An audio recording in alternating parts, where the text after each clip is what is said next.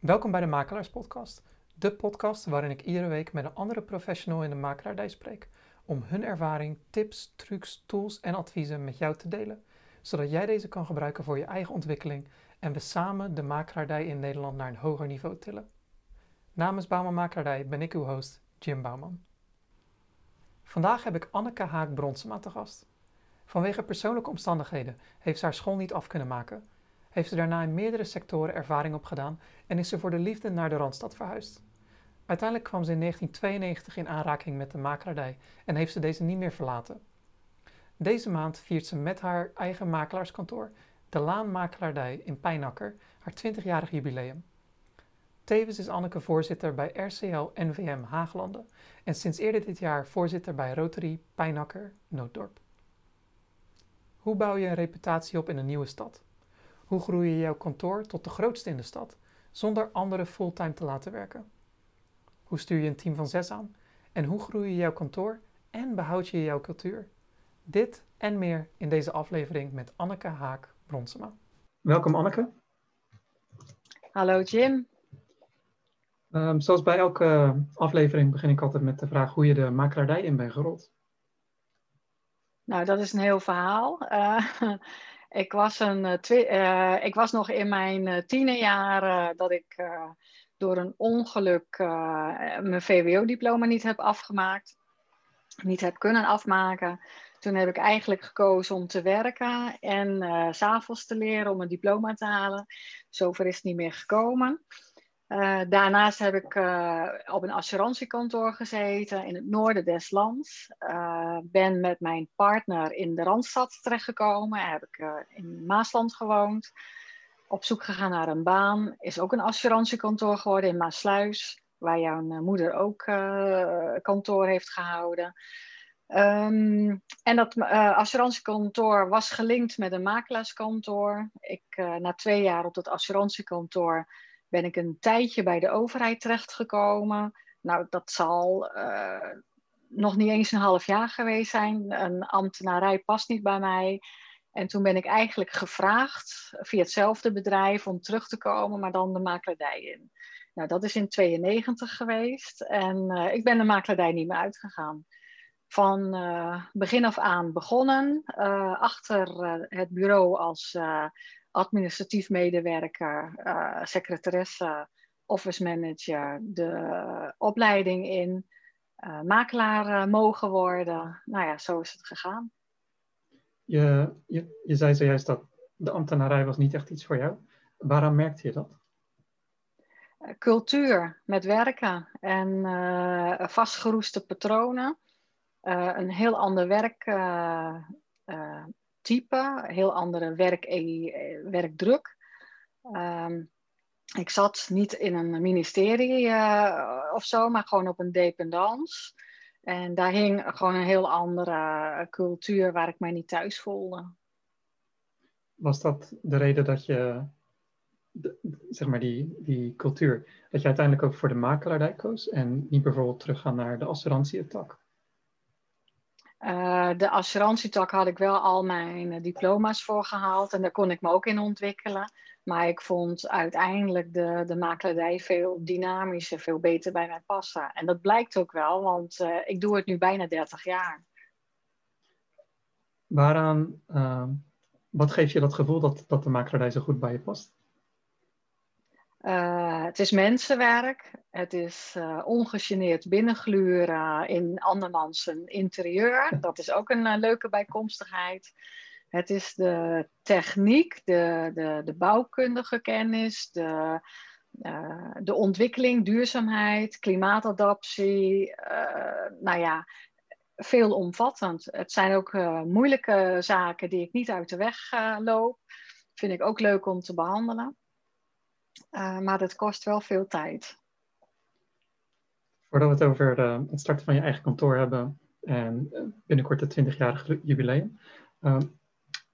Als ik het goed begrijp, heb je alles een soort, uh, terwijl je aan de slag ging bij het kantoor in 1992, terwijl je aan het werken was, geleerd. Hoe heb je, hoe heb je ervoor gezorgd dat je zelf alles ja, onder de knie kreeg als makelaar? Door eigenlijk in het diepe te springen. En ik had destijds wel een collega waar we samen goed mee op konden schieten. En die ook gewoon nou ja, tips en adviezen aan de zijlijn gaf. Ehm, waar ik veel aan gehad heb. En toen was ik begin 20 en ja, dan ben je op een heel andere manier bezig als dat je nu begin 50 bent. Dus, uh, uh, en ik hoop dat nu ook weer over te dragen aan, aan, aan mijn medewerkers. Uh, en ik noem ze vaak collega's, geen medewerkers. Dat is, dat is een erg mooie, mooie uitspraak. Um, wat is de, de les die het meest is bijgebleven in die, in die eerste acht jaar als makelaar? Nou ja, ik, ik, in die eerste acht jaar bedoel je 2000 of uh, 1992, 2000? Ja, precies. Toen was ik met mijn uh, studietraject richting makelaardij. En toen was ik nog geen makelaar. Ik ben uiteindelijk in 1999 beëdigd als makelaar onroerende zaken, makelaar taxateur. Dus dat is eigenlijk mijn leerschool geweest in die periode. Van binnen begonnen taxaties uitwerken, af en toe meelopen met iemand, assistentsmakelaar uh, met bezichtigen. Um, ja, de belangrijkste les is eerlijk blijven, geen rol spelen, maar jezelf blijven. Kan je ook nooit uit je rol vallen. Um, moeilijke boodschappen die je moet overbrengen, niet twijfelen, maar gelijk doen. Ik bedoel, daar heb je alleen maar jezelf mee als je daarmee blijft wachten, blijft twijfelen. En uiteindelijk, um, het, het is een baan waar veel passie in zit, maar het is ook een baan dat je af en toe moet proberen het los te laten. En dat je ook gewoon zegt van, uh, oké, okay, we hebben een probleem, we gaan het oplossen, maar maak er niet je eigen probleem van. Uiteindelijk in 2001 uh, besloot je om je eigen kantoor uh, te starten. de laanmakelaardij in, in Pijnakker, Nooddorp. Had je, was dat een ambitie die je voor langere tijd had? Of was het nee, iets wat totaal... spontaan een soort op kan borrelen? Nee, totaal niet. Uh, bij mijn eerste werkgever kreeg ik, uh, nadat ik volledig gediplomeerd en uh, beëdigd was, kreeg ik geen gelegenheid om mij verder te ontplooien. Nou, dat heeft ervoor gezorgd dat ik bij een ander kantoor terecht ben gekomen, waar ik wel nou ja, kantoorleider, filiaalhouder mocht zijn. Dat is in Zoetermeer geweest. En uh, daar heb ik uiteindelijk ook uh, slechts een acht maanden gezeten.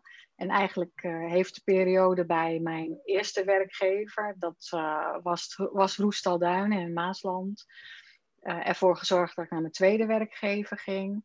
En daar heb ik eigenlijk ehm, gezien dat ik het ook zelf kon. Wat ik in loondienst kon, dat ik het zelf kon. En dan, ik bedoel het niet ik, ik bedoel het niet om te pochen, maar wel dat ik het beter kan. En daardoor ben ik uiteindelijk voor mezelf begonnen. Welke manier dacht je dat je het beter kon doen? Makelaardij is een eh, wereld wat naar buiten toe lijkt een snelle, jachtige wereld. Snelle verkopers en heel erg uh, dealgericht. Uh, ik miste daar een stukje persoonlijke aandacht een eh, beetje de lol, de verbinding met uh, klanten. Uh, eigenlijk wat je wel in het assurantiegebeuren hebt. Als je een assurantietussenpersoon bent, dan wandel je, als je het goed doet, 15, 15, 20, soms hele levens op met families. En dan ben je een contactpersoon, een vertrouwenspersoon en je regelt alles.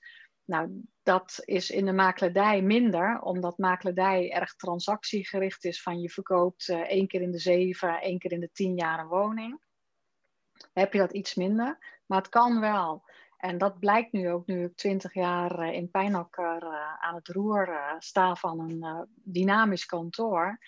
In die twintig jaar hebben we hele families mogen bedienen dat ouders bij me terechtkomen, dat ik de kinderen uh, heb begeleid, dat uh, helaas een opa overlijdt en het appartement verkocht moet worden. Nou ja, noem maar op. Dat, uh, dat maakt het voor mij heel erg leuk. En die mensen daar, die, die gezinnen, die help je dan de eerste keer met een woning. En dan komen ze, ja, misschien 15 of 20 jaar later, komen, komt er datzelfde, datzelfde gezin of misschien een ander familielid kom bij je langs aan de hand van mond-tot-mond reclame, ga ik vanuit. Hou je in de tussentijd ook nog op een bepaalde manier contact met die, uh, met die klanten? Ja, ik uh, woon in Pijnakker, ik sport in Pijnakker, ik ga in de supermarkt uh, mijn boodschappen doen in Pijnakker, ik koop mijn auto het liefst in Pijnakker, mijn jurken en mijn schoenen ook het liefst in Pijnakker. Dus ik ben heel erg lokaal aanwezig, ook via de ondernemersvereniging, ook via de Rotary, sporten. Dus je komt op al, alle vlakken kom je de mensen tegen. Um, alleen voor uh, hele leuke schoenen maak ik heel soms een uitstapje naar Zalando, want dan heb je gewoon meer keuze. Um, maar ja, echt het pijnakkerse ondernemen en dat verbindt. Dat, dat, daar ken je je mensen, daar ken je je relaties. Um, ik ben altijd vriendelijk naar al mijn relaties, maar ik kan niet met al mijn relaties vrienden zijn. En daarmee hoop ik dat uit te drukken dat uh, ik hoop in uh, Pijnakker dat mensen mij weten te vinden. Dat vind ik een hele ja, spreuk, hele mooie spreuk, om het zo maar te zeggen. van vriendelijk zijn, maar niet met iedereen vriendelijk kunnen zijn. dus die zal ik zeker noteren en onthouden. om even een stapje terug te doen. Toen je voor jezelf begon, hoe, hoe kwam je aan je eerste klant? Uh, de eerste klant was eigenlijk een zoon van uh, uh, ouders die ik ken. Dus dat was een, een, een, prettige bijkomstigheid dat we een eerste bovenwoning in Delft mochten verkopen. Ehm, ja, dit is echt. nou voel ik me wel wat ouder, want al het woningaanbod ligt nu op straat via internet. Maar destijds had je een woninggids. En ik heb eh, in mijn etalage heb ik uh, één woninggids, nou ja, eigenlijk per bladzijde in de etalage gezet. Uh, zodat mensen huisjes konden kijken en af en toe naar binnen kwamen. Nou, die huizen stonden bij andere kantoren in de verkoop in de regio. En dan probeerde ik eigenlijk de, de dienst voor een aankoopmakelaar aan te prijzen dat het handig was op basis van no cure, no pay ging ik in, de, in het begin met de mensen mee. En uh, van lieverlee krijg je een voet aan de bodem. Uh, een, een, jong kantoor, geleid door dames, uh, gaf ook de nodige nieuwsgierigheid in Pijnakker. Dus we hebben ook wel van sommige eerste klanten eigenlijk het, de gunfactor gehad van hey, leuk, een jong bedrijf, daar gunnen we het aan. En uh, nou ja, in, in, die, in die startperiode is het gekomen dat we eigenlijk uh, ons uh, kantoor voet aan de grond hebben gekregen met ons kantoor. En wat ook een heel leuke samenloop van omstandigheden is. een van onze eerste woningen was het appartementje van de hovenier. En een ander appartementje van de vriendin van de hovenier. Die kochten elders een huis wat we hebben mogen taxeren. En toen dat allemaal rond was, mochten we hun beide appartementen verkopen. Ik moet zeggen, de hovenier is nog steeds voor mij aan het werk. Als je nu in 2020, 2021 met je kantoor zou starten, zou je op eenzelfde manier beginnen? Of zou je het anders aanpakken uh, met wat je nu weet? Dat, dat weet ik niet, want uh, ik was begin 30 toen ik voor mezelf startte. En uh, nu heb je andere dynamiek op de markt met, uh, met internet, met digitaal ondernemen, met hele systemen erachter. Um, ik, ik denk als je nu begin 30 bent en je zou starten, dat je meer moet verdiepen in papierloos werken. Um, eh, de, de nieuwe techniek eigen maken. Dus dat, dat is ook een soort verandering die wij eh, nou ja, de komende vijf tot tien jaar in ons kantoor moeten uh, implementeren. Maar daar heb ik gelukkig ook twintigers en dertigers voor aan boord. Mhm. En dat is meteen een mooi bruggetje om, uh, om het over je team te hebben. Je hebt inmiddels een team van, uh, van zeven personen, inclusief jezelf. Ja. was dat iets wat je, ja, waar je aan, aan dacht toen je begon? Of Nee. Langzaam nee, maar zeker absoluut. heb je het gewoon opgebouwd? Absoluut niet. Maar op, op een gegeven ogenblik wordt het heel erg druk in je eentje. Uh, en dan zet je een uh, vacature open voor uh, administratieve ondersteuning voor een paar uur per week. Nou, daar solliciteren dames op waarvan de kleine kinderen op school zitten en die wel één middag en één ochtend kunnen werken of twee dagen kunnen werken. Dat hebben wij omarmd. Ik heb ook geen fulltimers op kantoor. de makelaars werken allemaal 32 uur. De binnendienst administratief commercieel werken 20, 24, 28 uur. En ik heb ook twee twintigers aan boord die allebei nog druk aan het leren zijn. Eén op de universiteit en één op de HEO vastgoedafdeling. En die werken 8, 10, 12 uur per week. Nagelang, het, uh, uh, nagelang de drukte en nagelang hun mogelijkheden met het studierooster. Dus als je het echt op, als je, als je het echt op FTE, op, op fulltimers baseert, dan kom ik een beetje op vier personen uit ik denk dat heel veel ondernemers hier, hier wat van kunnen leren. Het is heel mooi om te horen hoe je met je, met je team omgaat en hoe je iedereen behandelt. Ja. Uh, wat, hoe bepaal je voor jezelf, vroeger, maar ook nu nog, om extra mensen in dienst te nemen? Heb je een bepaald soort omzet in gedachten waarbij je denkt, op dat moment is het het, waard, kan ik het veroorloven? Of heeft het puur met het aantal uh, huizen wat je momenteel in de verkoop of koop uh, hebt staan? Nou, je hebt een uh, continu werkdruk. En als je met, ik, ik ben, ja, hoe stom het ook klinkt, ik ben nooit met geld bezig. Eerst dienen, dan komt het verdienen vanzelf. Uh, ik heb um, op een gegeven ogenblik maar één agenda met een paar uur erin. En als ik thuis, uh, laat thuis kom, dan zegt mijn man wel eens van je moet beter op jezelf letten en je werkt te veel uiteindelijk ga je van een achtuurige werkdag naar een tienurige, naar een twaalfurige en soms naar een veertienurige werkdag. Dat is niet gezond.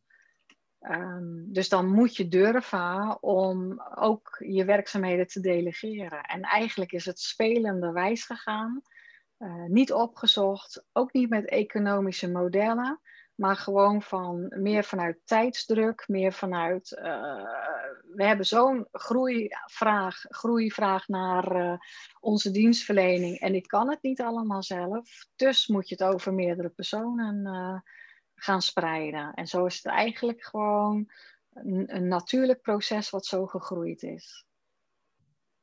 En naarmate je met steeds meer mensen werkt, wordt het ook lastiger om iedereen op de hoogte te houden en de communicatie in, in goede banen te leiden, zowel met klanten als ook als, als mede intern. Hoe, hoe is dat proces binnen je kantoor uh, ja, geëvolueerd uh, gedurende de afgelopen het jaar? Het valt en staat met uh, de dossieropbouw. En je kan natuurlijk een hele hoop kenmerken, verhaaltjes, bijzonderheden, kan je ook al gewoon in je digitale agenda dossiervorming kwijt. Um, en daar zijn we ook heel erg trots op dat als één persoon een woning in de verkoop neemt, dat het ook prima kan gebeuren dat persoon 2 of persoon 3 het verder afhandelt. Want het dossier uh, is beschikbaar, de kennis is beschikbaar. Uh, wel geef ik altijd aan aan tafel, uh, als ik met klanten in gesprek ben, van nou, ik ben je eerste aanspreekpunt. als er wat gebeurt, dan mag je me gewoon bellen. Maar het houdt niet in dat ik alle bezichtigingen kan doen, of dat ik alle uh, telefoontjes kan bedienen, of dat ik alle schriftelijk werk over mijn bureau heen, heen komt. Dat gaat gewoon niet meer. En het team is gewoon uh, goed op elkaar uh, ingewerkt. We werken met drie makelaars, drie RMRT-makelaars, NVM-makelaars.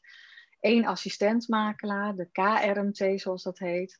En drie administratief commerciële ondersteuning. Eigenlijk is de speel waar het om draait, is de administratieve ondersteuning. En uh, we hebben een groepsapp waar we veel uh, lief en leed met elkaar delen. Maar ook even, oh ja, niet vergeten dit. Of let even op dat. Of wil je die klant even bellen. Uh, we hebben om de drie weken een werkvergadering. ik haat vergaderen. Dus ik ga niet vergaderen om het vergaderen, want dan kan je elke week wel bij elkaar zitten. Maar om de drie weken inhoudelijk, waar staan we, wat gaan we doen, welke klanten uh, verdienen aandacht omdat er wat ernstigs is gebeurd of omdat er wat leuks is gebeurd. Uh, lopen we tegen dingen aan, zakelijk gezien, om eventjes te sparren. Hoe zou, je, hoe zou jij dit doen? Hoe, hoe zou jij dat doen? Nou, dat zijn gewoon goede werkbesprekingen die meer dan een uur, soms twee uur duren. En ik, ik deel het altijd op in een korte variant en in een lange variant. Dus de korte variant is een uur, anderhalf uur. En de lange variant is twee uur. En dan combineren we dat altijd even met wat lekkers bij de thee of met een broodje eten. Of uh, s ochtends als het heel vroeg is, gewoon even een, uh, een goede ontbijtsmoothie of zo. Maar gewoon altijd op een leuke manier. Ik neem aan dat dat proces van vergaderen iets is waar, waar je uh, naartoe hebt gewerkt. En wat er, zo, zo zag het er waarschijnlijk 10, 15 jaar geleden niet uit. Um, hoe nee, maar dan was, de vergadering, dan was de vergadering met me, myself en I. Dus dan ben je ook heel snel klaar. ja, daar hoeven we niet veel, uh, veel woorden aan vuil te maken dan. Tegenwoordig, ook nu je kantoor natuurlijk groter is en je hebt wat meer mensen in dienst, uh, kan je marketingtechnisch gezien uh, meer doen dan dat je destijds kon. Uh, wat, is, wat is iets waar je qua marketing nu heel veel aandacht aan probeert te steken? Om je kantoor beter te profileren of meer klanten te werven? Ik zelf doe bijna niks. Ja, ik heb wel een LinkedIn-profiel en Facebook waar ik hele mooie natuurfoto's op zet, eetfoto's op zet of hondenfoto's op zet, maar, maar verder niet zoveel. Uh, maar we hebben twee twintigers in dienst en die bedienen eigenlijk grotendeels uh, de voeding op social media gebied. Uh, de dertigers bedienen zo goed mogelijk het uh, websitegedeelte met voeding van nieuwsbrieven en nieuwsmailingen naar klanten. En de veertigers en de vijftigers uh, gebruiken heel veel de persoonlijke contacten en de telefoon en de, ja, de ontmoetingen. En ik zit zelf in een aantal netwerken, de winkeliersvereniging, de ondernemersvereniging, de Rotary, sportvereniging, nou ja, noem het maar op. Dat is ook een chemie, een, een, chemie tussen mensen die ook maakt dat het een, met sponsoring bijvoorbeeld ook, ook een stukje marketing geeft. Was, dat, was het een bewuste keuze om bij die, die vereniging of die clubs aan te sluiten? Omdat je het beroep als makelaar had, omdat je eigen kantoor had? Of was het puur iets waar je interesse in had? En de, het profijt wat je er als kantoor, als makelaar mee hebt, dat komt er als, als bijzaak bij? Nee, nee, als je dus op die manier insteekt, dan haal je er geen lol uit, want dan ben je met geld bezig. En geld is niet mijn uh, doel. Geld is een middel. Um, ik ben lid geworden van de Rotary. Ik heb ook tien jaar lang nee tegen de Rotary gezegd, omdat het in mijn beleving een wat oudere herengroep was, sigaren rokend in een vergaderruimte. Nou, dat is absoluut dus niet het geval. Uh, ik ben uh, uh, zeker ook nog niet eens de jongste op de Rotary. Dus het is een dynamische club hier in Pijnakker. Maar wat mijn motivatie was, is eigenlijk goed doen voor de maatschappij. En als je je met 20 of 30 hoogopgeleide of ondernemende mensen je verzamelt en je pakt een goed doel op, bereik je gewoon veel meer dan dat je het alleen doet. Het is dan mooi om te horen dat je bij de Rotary inmiddels ook voorzitter bent geworden een maand geleden. Daarbij ook gefeliciteerd. Ja, um, ja, maar dat heb ik ook vijf jaar lang nee tegen gezegd, want je moet er ook tijd voor hebben. En uh, tijd is uh, uh, schaarste. Ja. Het klinkt een beetje alsof het motto is: zeg heel lang nee tegen dingen. Stel zoveel mogelijk uit, werk gedurende die tijd. En dan komen alle goede dingen wel, je wel tegemoet. Nou, ik, ik vind zelf op het moment als je ergens ja tegen zegt, conformeer je je ook aan een stukje inhoud en een stukje terugkoppeling. En dat kost vaak tijd. Dus um, op het moment als ik iets niet zie zitten, omdat het bij mij zelf een tijdsdruk geeft, zeg ik gewoon nee. Dat zeg ik ook, hoe stom het ook klinkt, als er een klant bij me komt van je moet nu mijn huis taxeren. Nou, als ik nu geen tijd heb, geef ik dat gewoon aan. Ik zeg van nou, nu niet. Maar volgende week ben je de eerste. En uh, dat geldt nu ook een beetje voor woningen. Ook al is het een enorme schaarste op de markt. Bij ons liggen er standaard uh, meerdere dossiers op de plank om uitgewerkt te worden. En wij kunnen gewoon met de hectiek van de huidige huizenmarkt, kunnen wij niet meer veroorloven dan twee, hooguit drie nieuwe woningen per week. Anders is het logistiek niet meer te doen. Dus dat betekent dat de andere huizen gewoon netjes in een tijdlijn een following-up krijgen. Is dat iets waar je over nadenkt om die, die, die doorstroom van huizen die je in een week, uh, waar, je een week waar je elke week mee aan de slag kan, om die te verhogen? Heb je daar een bepaald uh, plan of idee voor? Nou, je probeert het gewoon samen met je opdrachtgever in uh, goede banen te leiden. Uh, en ik heb liever dat we, zo zeg ik het altijd, better safe than sorry. Ik heb liever dat we goed voorbereid gaan beginnen, als dat je half aanvliegt en daardoor halverwege nog met een incompleet dossier zit, dingen moet aanleveren. Uh, en, dat werkt gewoon niet prettig. Um, en die zorg delen mijn collega's ook, dus we doen het allemaal op dezelfde methode. Geeft ook aan dat we uh, de binnendienst ontlasten, want als je de ene week vijf hebt en de andere week twee, dan gaat het ook ergens wringen. Uh, dus dat is, nou ja, ik zou bijna zeggen een geoliede machine. Maar het leukste van ons werk blijft altijd dat je s ochtends om acht uur denkt een dag te gaan werken volgens een programma. En van het programma komt meestal niks terecht, omdat uh, de makelaardij heel erg ad hoc is. Kan je wat voorbeelden geven van uh, op welke manier het ad hoc is? Um, nou, dat een, uh, een uh, taxateur uh, bij iemand voor de deur staat en dat de verkoper vergeten is, de afspraak, maar de taxateur het liefst wel die dag de woning naar binnen wil, want die hebben meerdere agenda's. Dan moet er acuut een dame met de sleutel in overleg met de verkoper naar het desbetreffende huis toe om die taxateur nog even een half uur toegang te verlenen. Of uh, uh, we worden gebeld dat uh, iemand in de file staat of een aanrijding heeft of met spoed naar het ziekenhuis moet. En dat geeft ook weer agenda, kan agendastress geven. maar het kan jezelf ook overkomen. Ik ben wel eens een keer dat een deur dichtwaait en mijn hele tas met uh, afspraken, sleutels voor de volgende bezichtiging en alles staat gewoon in het huis. En ik kom het huis niet meer in. Nou, dan heb je ook een hele andere dynamiek. Zijn allemaal, ja, eh, verzin het. Verzin het. Ik kan er een boek over schrijven. Ik denk dat dat uh, iets moois is voor, tegen het einde van je carrière. Dan heb je nog, dan heb je nog twee keer zoveel dingen die je kan melden. Ja. ja, nou, we zijn al met een tijdschrift bezig. Oh, echt waar? Een digitaal tijdschrift? Uh, waarschijnlijk ook digitaal, maar ook uh, uh, hardcover.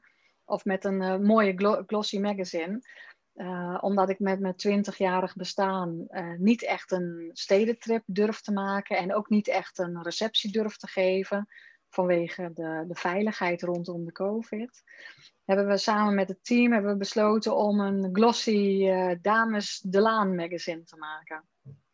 Dus als het goed is, ligt die volgende week uh, bij de drukker en dan, uh, dan gaan we los.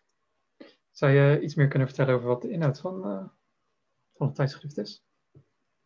Ja, de inhoud is eigenlijk alles wat we de afgelopen twintig jaar mee hebben gemaakt. En ik heb aan mijn adverteerders gevraagd binnen mijn netwerk. En dan moet je denken aan de schilder, aan de modezaak, uh, aan de bloemist, uh, aan de hovenier, nou, noem maar op. En die hebben allemaal een plekje als adverteerder in mijn uh, magazine. In ons magazine, want we maken het met elkaar. we hebben nieuwe profielfoto's, nieuwe website, nieuwe uitstraling. Gewoon lekker fris allemaal. Um, dus die foto staat op de cover ook. En dan hebben we allemaal verhaaltjes in de, in de De Laan magazine. Uh, ik heb het reisverslag geschreven over 20 jaar tijd. Mhm. Dus dat is uh, sowieso die jubileumreizen, maar elk jaar maken we ook leuke uitjes. Uh, als iemand vijf of iemand tien jaar aan de zaak werkt, dan is, is er een reden om een feestje te geven. En we pakken alle redenen vast om een feestje te geven. Dus we zijn overal en nergens geweest. Een collega van mij die schrijft over mode, omdat zij vroeger in de mode heeft gewerkt. Een andere collega van mij schrijft over de must-haves. En dat betekent de leuke dingetjes in huis om een huis leuk te maken, stijlen voor de verkoop. Weer een andere collega van mij die heeft een uh, bibliotheek thuis. Uh, als zij geen makelaar was geworden, was ze bibliotheek bibliothecaresse geworden, denk ik. Uh, maar die geeft de vijf boekentips in samenspraak met de plaatselijke boekhandel. Een andere collega die verzint de fietsroutes in en om Pijnakker-Noodorp. En weer een andere collega's verzint de wandelroutes rondom Noodorp. Dus eigenlijk gewoon Pijnakker Noodorp. Het heeft uh, met ons als dames te maken wat we leuk vinden. Het heeft met ons als makelaars te maken, te maken met wat wij doen en wat we leuk vinden. Uh, het netwerk inschakelen. Nou ja, wie, wie wij zijn en wat wij doen. Ja. Een mooie jubileumseditie voor, uh, voor de Laanmakelaardij. Maar het klinkt ook ja. als iets voor, voor ieder wat wils, eigenlijk. Ja, klopt. Klopt. Het, het, het uh, ambitie. Kijk, we zijn best ambitieus, dat mag ook. Uh, maar niet alleen ambitieus, ook verbindend en ook netwerken en ook voor en door de mensen. Dus ik denk dat dat ook wel een heel stevige handtekening is die bij mij, die bij ons, mijn kantoor past. Heb je met je kantoor nog bepaalde toekomstplannen of ambities? Ehm, nou, eigenlijk geen groeiambities in de zin van tweede en derde filialen. Daar, daar ben ik niet zo'n voorstander van. Mijn eigen groeiambitie is om ook te groeien in bestuurlijk uh, werk. Ik ben uh, ook uh, voorzitter van een commissie binnen NVM Haaglanden. Nou, dat is ook heel erg leuk, vind ik heel erg leuk om te doen. En mijn werkdagen zijn nog steeds te vol. Dus ik heb ook gevraagd aan mijn uh, collega-makelaar om uh, bedrijfsleider te worden bij mij op kantoor. Zodat de bepaalde dynamiek van nou ja, marketing, van het kantoor aansturen, het werk verdelen, ook bij een ander op zijn bureau ligt en niet bij mij. En dat geeft mij weer ruimte om, om mij weer te ontplooien in in uh, bestuurlijke zaken, in, uh, nou ja, in mijn Rotary wat ook nog wel wat uh, tijd gaat kosten. Nou, dat. Ja, echt, echt een prachtig, prachtig verhaal, Anneke. Ook de ambities die je nog steeds hebt na al die jaren. Ja. Ik heb nog, nog, nog twee, drie korte vraagjes alvorens we het, het interview afsluiten. Um, als je advies kan, als je één tip of advies kan geven aan een koper of verkoper, wat zou dat dan zijn? Nou, in ieder geval een, eh, een, een, een wederkerigheid. Uh, ik wil voor hun een leuke makelaar zijn. Maar ik vind ook dat zij leuke klanten voor mij uh, moeten willen zijn. Ik heb echt heel duidelijk een klik nodig met klanten. Anders dan, ja, dan kunnen ze beter bij mijn collega-makelaar zaken gaan doen. dat, ik, maar ik maak altijd een grapje. Ik werk alleen voor leuke klanten. Nou, en dat grapje zit wel een kern van waarheid in. Um, en advies geven, nou ja, advies geven op het gebied van verkoop in deze hectiek van de markt. Um, overvraag je woning niet. Dus maak van je vraagprijs geen prijsvraag, maar schiet het wel reëel aan, want dan komt het helemaal goed. En op het gebied van een kopen in de huidige markt, um, bepaal je grenzen en ga niet over je grenzen. En dat heeft puur nu met de, de druk de woon, op de woningmarkt, de, de weinig aanbod, een, een, overvraag de, een overvraag richting aanbod. Starters die niet aan zet kunnen komen, senioren die niet uh, in een uh, leuk gelijkvloers uh, woningje kunnen komen of appartement kunnen komen. Dus alles staat op dit moment op scherp. Oké. Een, uh, een leuk kantoor voor een, uh, voor een leuke klant. Uh, als je het stokje zou door kunnen geven aan een andere makelaar of iemand anders die actief is binnen de makelaardij, een, een innovatief kantoor of een, een makelaar waar, waarvoor je veel respect hebt, met wie zou ik dan als volgende in gesprek moeten gaan? Je zou het kunnen proberen. Ik weet niet of hij de tijd voor heeft, maar bij Jochem Steur Mhm. van leefmakelaars. Uh, Ik ken Jochem vanuit een kenniskring. Ik mhm. deel ook nog uh, mee in een kenniskring, landelijk gezien, uh, met collega's om te sparren die niet in je eigen werkgebied zitten. En dat geeft ook de nodige elan met sparren en ruimte om je hart te luchten. Als collega-ondernemers onder elkaar. Dat is heel erg leuk. En uh, Jochem heeft een uh, kantoor opgebouwd in, uh, nou ja, 10, 15 jaar tijd. met een bijna verdubbeling van het personeel wat ik heb. en met ook een, een, een, best wel een focus op de toekomst en met bepaalde zaken waar je misschien wel weer een leuke podcast mee kan gaan vullen. Oké, dankjewel voor die tip. Ik zal, ik zal zeker een, een e-mail of een LinkedIn berichtje naar, naar Jochem sturen. Ja. ten slotte de, ja, de laatste vraag. Hoe kunnen mensen contact met je opnemen, Anneke? Nou, uh, voor uh, voor uh, werk gerelateerd? Ja. ja. Uh, nou ja, delaan.nl, dan kan je een mailtje sturen of rechtstreeks mailen. Eh, je kan ook mij op LinkedIn gaan connecten. Daar, daar ben ik ook wel aanwezig. als je mijn telefoonnummer hebt, dan kan je me bellen.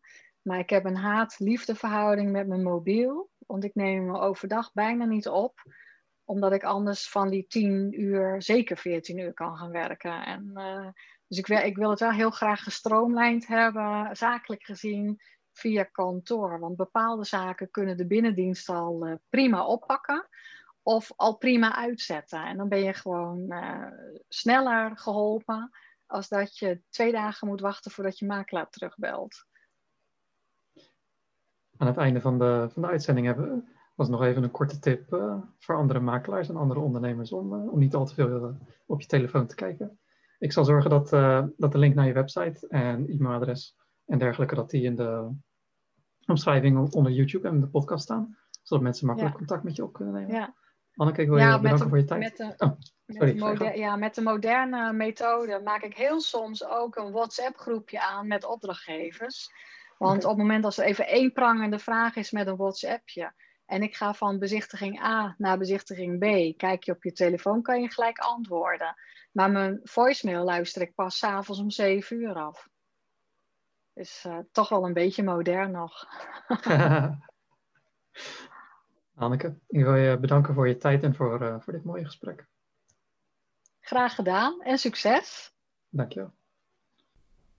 Bedankt voor het luisteren naar deze aflevering van de Makelaars Podcast. Heb je ervan genoten?